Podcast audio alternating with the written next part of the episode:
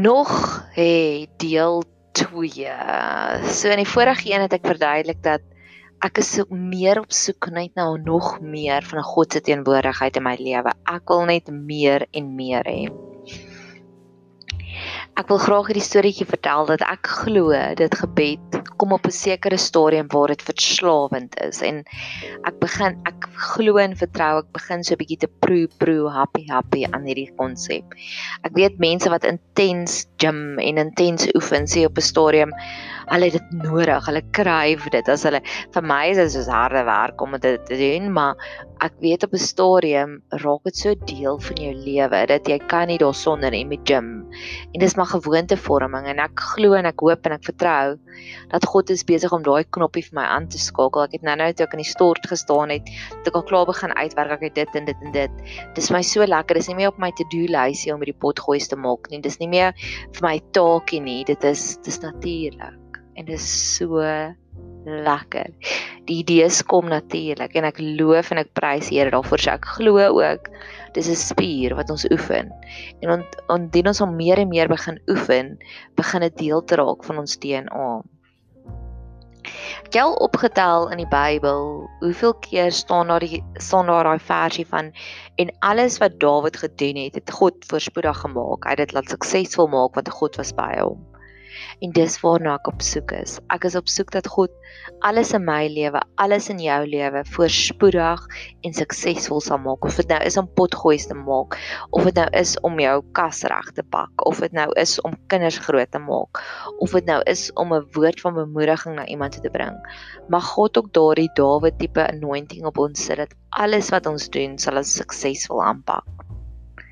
Ek hou gewoonlik daarvan ek geniet dit om met die potgoeies ook op te dra aan mense in ons lewe.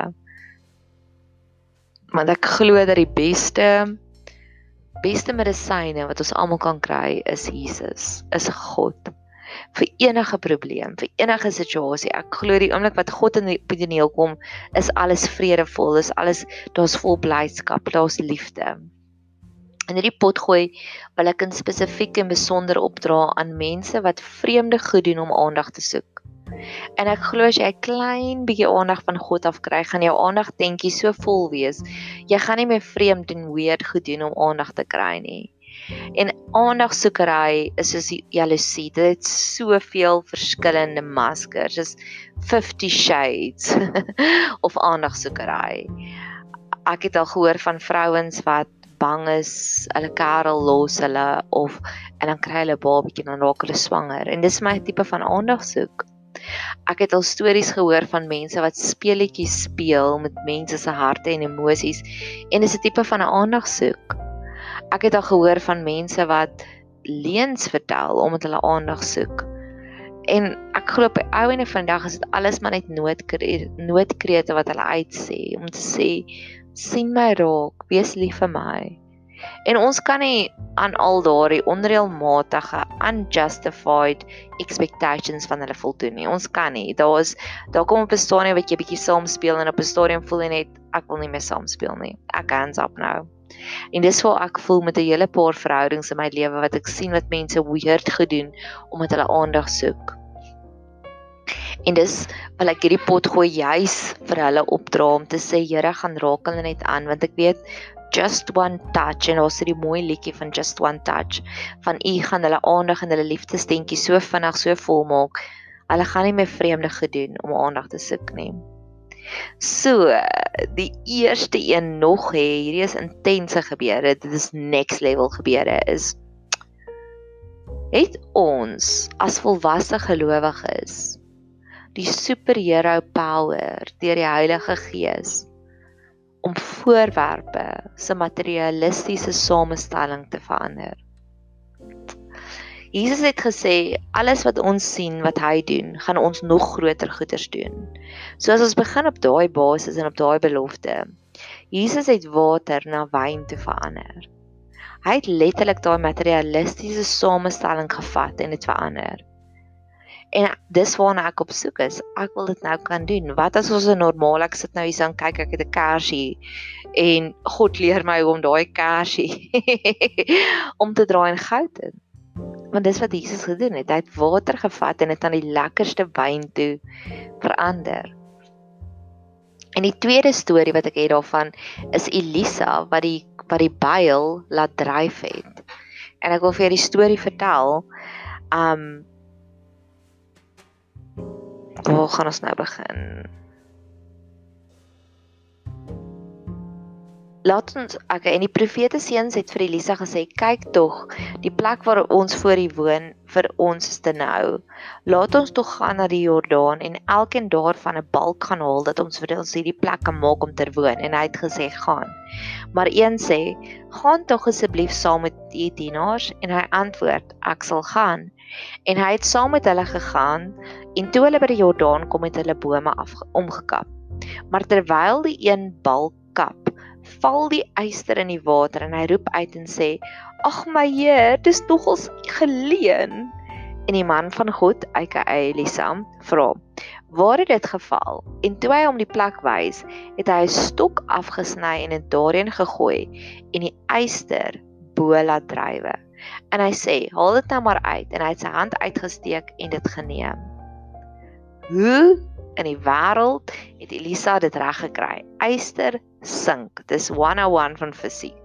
Um, van physics. Eyster as jy dit in die water gooi, sink dit tot heel onder.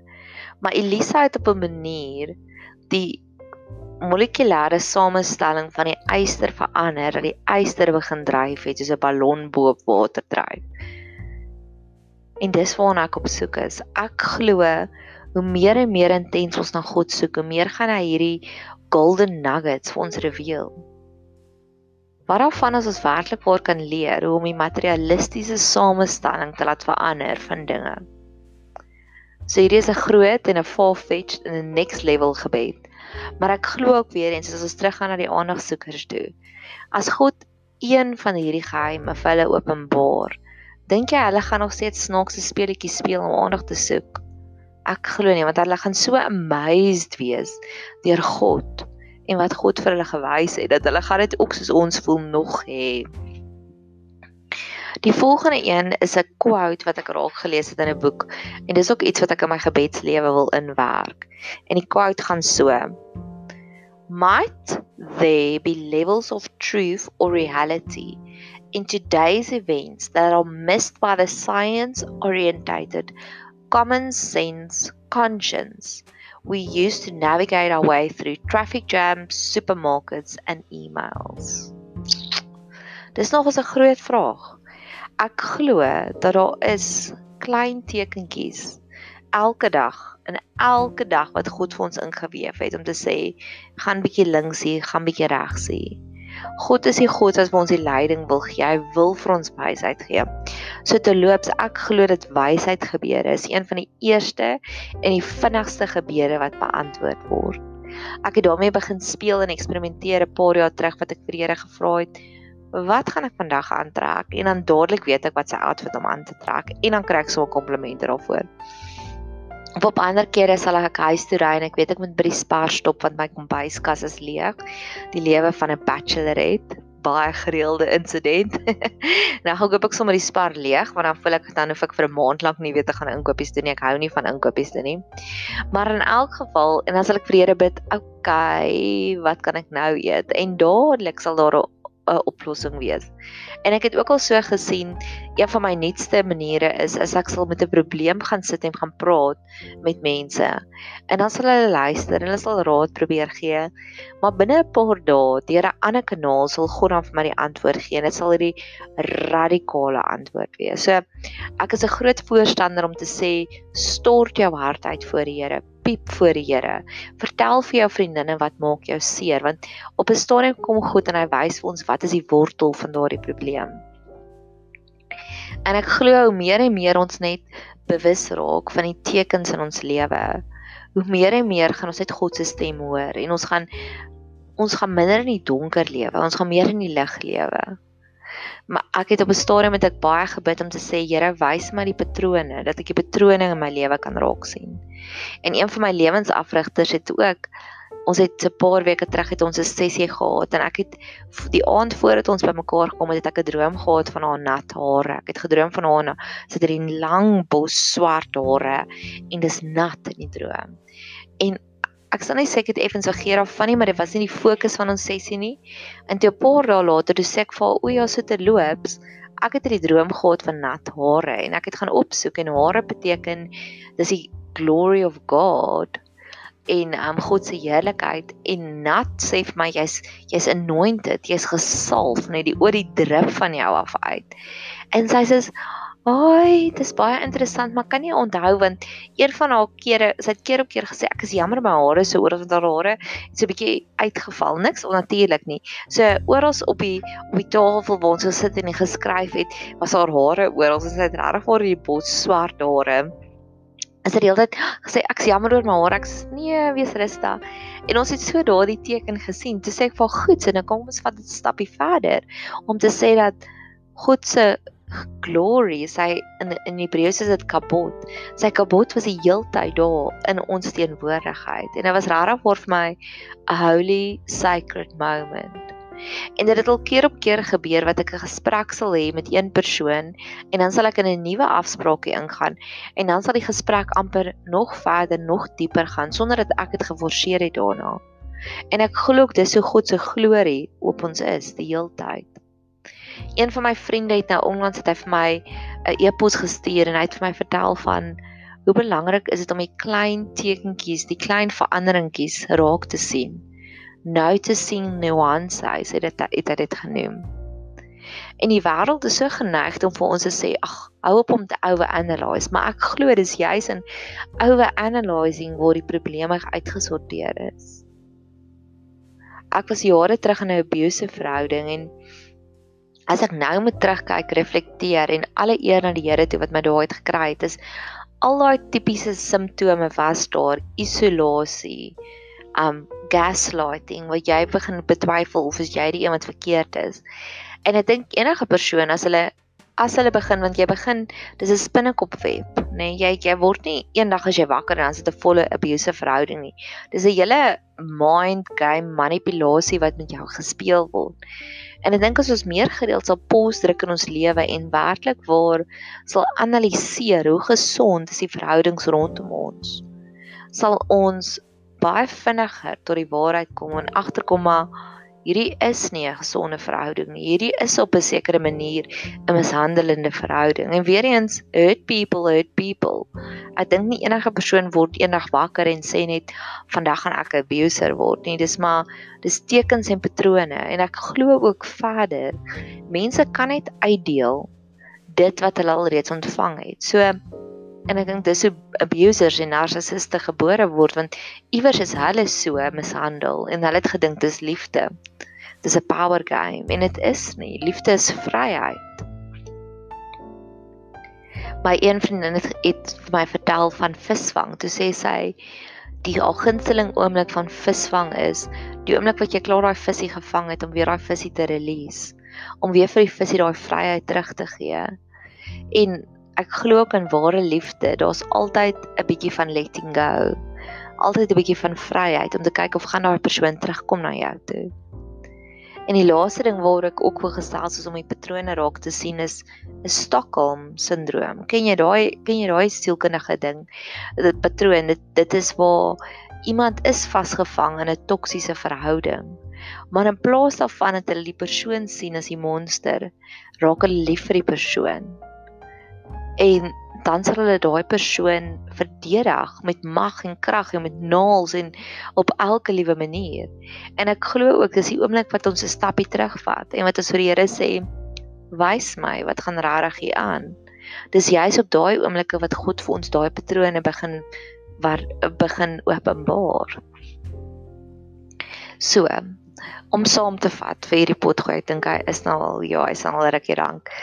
Eerste van alles, ek glo ons as volwasse gelowiges het werklik waar die die kapasiteit wat God vir ons gegee het om materie te verander.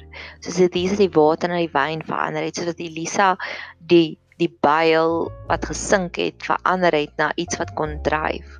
En ek wil dit nog 'n stappie verder vat. Dink jy nie dat ons as volwasse gelowiges het dis die die manier, ons het ons het dis daai saadjies in ons wat dormant lê om hierdie mees aakligste persoon, die mees toksiese persoon te verander in 'n pragtige bonneltjie van liefde nie. Ek glo dis die dieper betekenis van daardie twee wonderwerke om te sê ons het die vermoë en mag God daai knoppie vir ons aanskakel. Dat mense werklik waar net sagkens en vol gentleness en vol vrede rondom ons sal wees. En dan die tweede een wat ek hoor gesels het is en ek gaan hom weer lees die quote wat ek raak gelees het in die boek. Might there be levels of truth or reality in today's events that are missed by the science orientated common sense consciousness we use to navigate our way through traffic jams, supermarkets and emails. En dit was die volgende een wat ek voorgesels het om te sê mag God ons oë aanraak sodat ons die patrone kan sien, sodat ons kan sien o, maar dit is die rede hoekom daai persoon oor ons lewe gekom het want hy het daai lewenslesie gehad. Of o, dis die dis die rede hoekom daai persoon so snaaks optree want eintlik is dit net 'n noodkreet. Of o dieselfde wat ek die oorwinning gekry het in daai vorige manier um kan ek nou net weer copy and paste daarin. Ek het nou onlangs 'n studie gedoen oor nagmaal. En wat is die fenominale kragte en effekte van nagmaal om daagliks nagmaal te gebruik? Mag God net daagliks ons oë aanraak en ons gedagtes aanraak dat ons deurbreek deur die noise en net werklik waar tot by hierdie wysheid uitkom. Mag jy 'n super geseënde dag hê.